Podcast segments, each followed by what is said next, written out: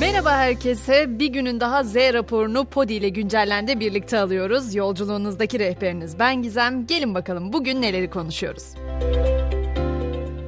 Önümüz bayram hem de kurban bayramı. Biz de mangalı oldukça seven bir milletiz ancak yaz aylarında ormanlarımızın, ciğerlerimizin yandığı bazı geçmiş acı tecrübelerimiz de var ne yazık ki. Hal böyle olunca da Bursa, Çanakkale ve Kütahya'da yangın riskine karşı ormanlık alanlara girişler yasaklandı. İstanbul Valiliği de orman yangınlarının önlenmesi amacıyla bazı piknik ve mesire alanları dışında ormanlık alanlara girişlerin yasaklandığını duyurdu.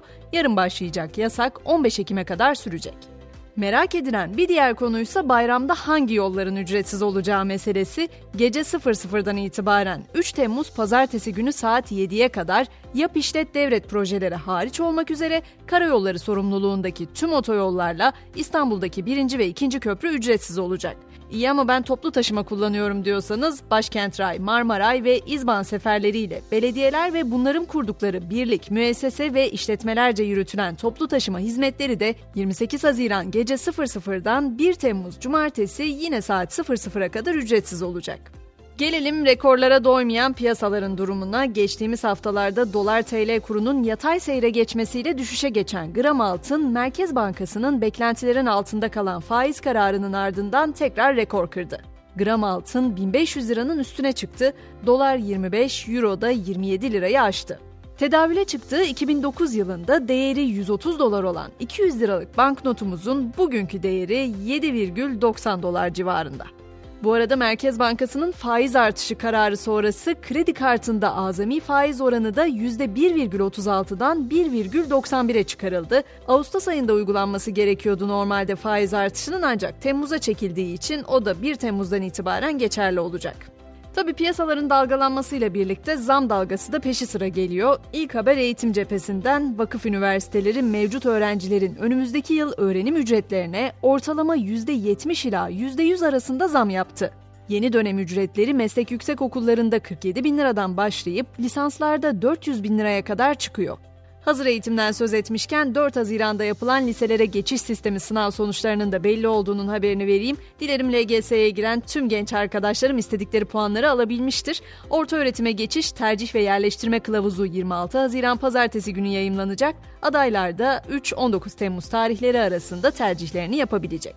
Bütün hafta konuştuğumuz tüm dünyanın gözünü çevirdiği olaya geliyorum. Titanic'i ziyaret ederken iletişimi kesilen Titan denizaltısında bulunan kişilerin artık hayatını kaybettiği açıklanmıştı zaten. Olayın detayları ise peşi sıra ortaya çıkmaya başladı.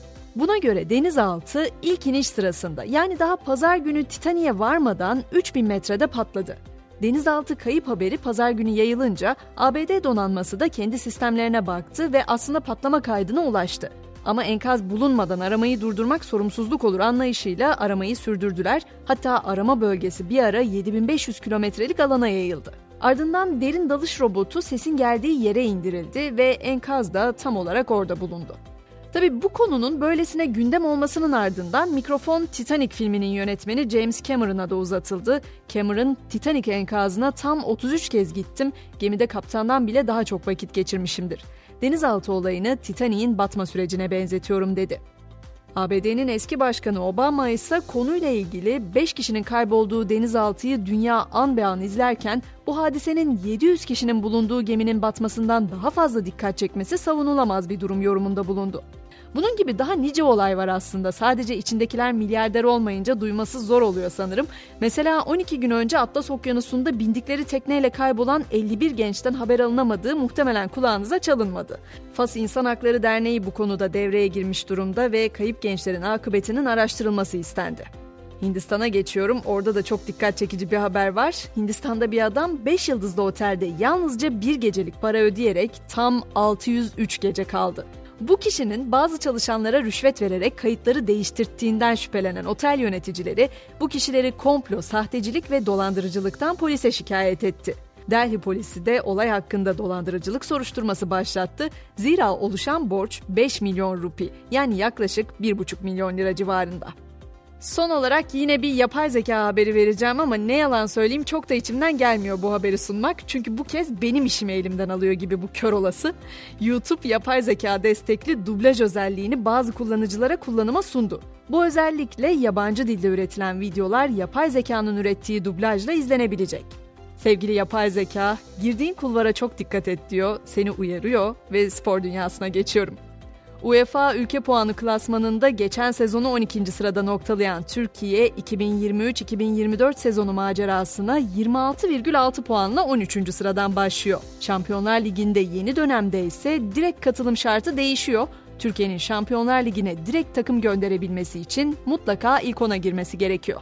Biz de böylece bayram haftası öncesi son güncellen saatimizi burada noktalıyoruz. Dilerim sevdiklerimizle birlikte mutluluk ve neşe dolu bayram sevincini yüreklerimizde hissettiğimiz güzel bir bayram geçiririz hepimiz. Tatil arasının ardından yeniden güncellenmek üzere. Şimdilik hoşçakalın.